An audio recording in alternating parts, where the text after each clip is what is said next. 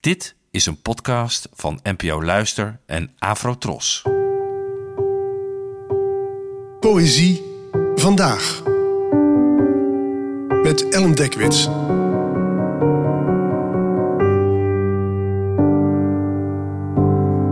Hallo, fijn dat je luistert.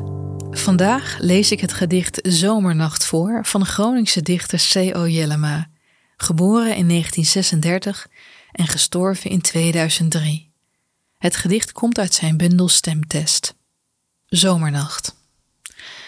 Doe nu die gedachte dicht van je.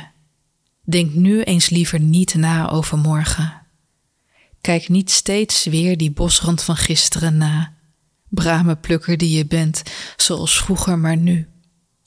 Maak even geen onderscheid tussen een wie en hoezo en de kans op anders.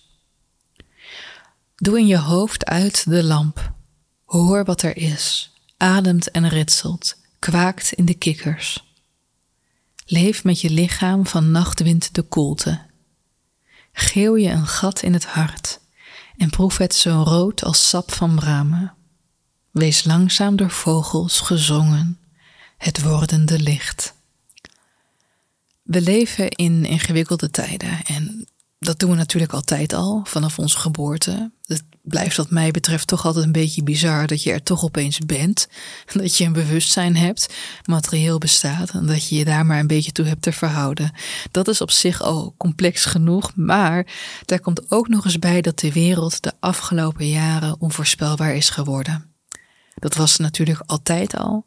Maar als ik een beetje om me heen vraag, merk ik dat een aantal zaken waar men voorheen op vertrouwde, zoals dat er bijvoorbeeld nooit meer een oorlog zou uitbreken in Europa, of dat de welvaart in Nederland nooit een deuk op zou lopen, niet meer vanzelfsprekend zijn.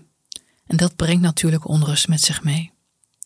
Ikzelf lig er soms van wakker, overrompeld door het gepieker dat nou eenmaal komt opzetten wanneer je beseft dat er dingen gebeuren waar je geen enkele invloed op hebt.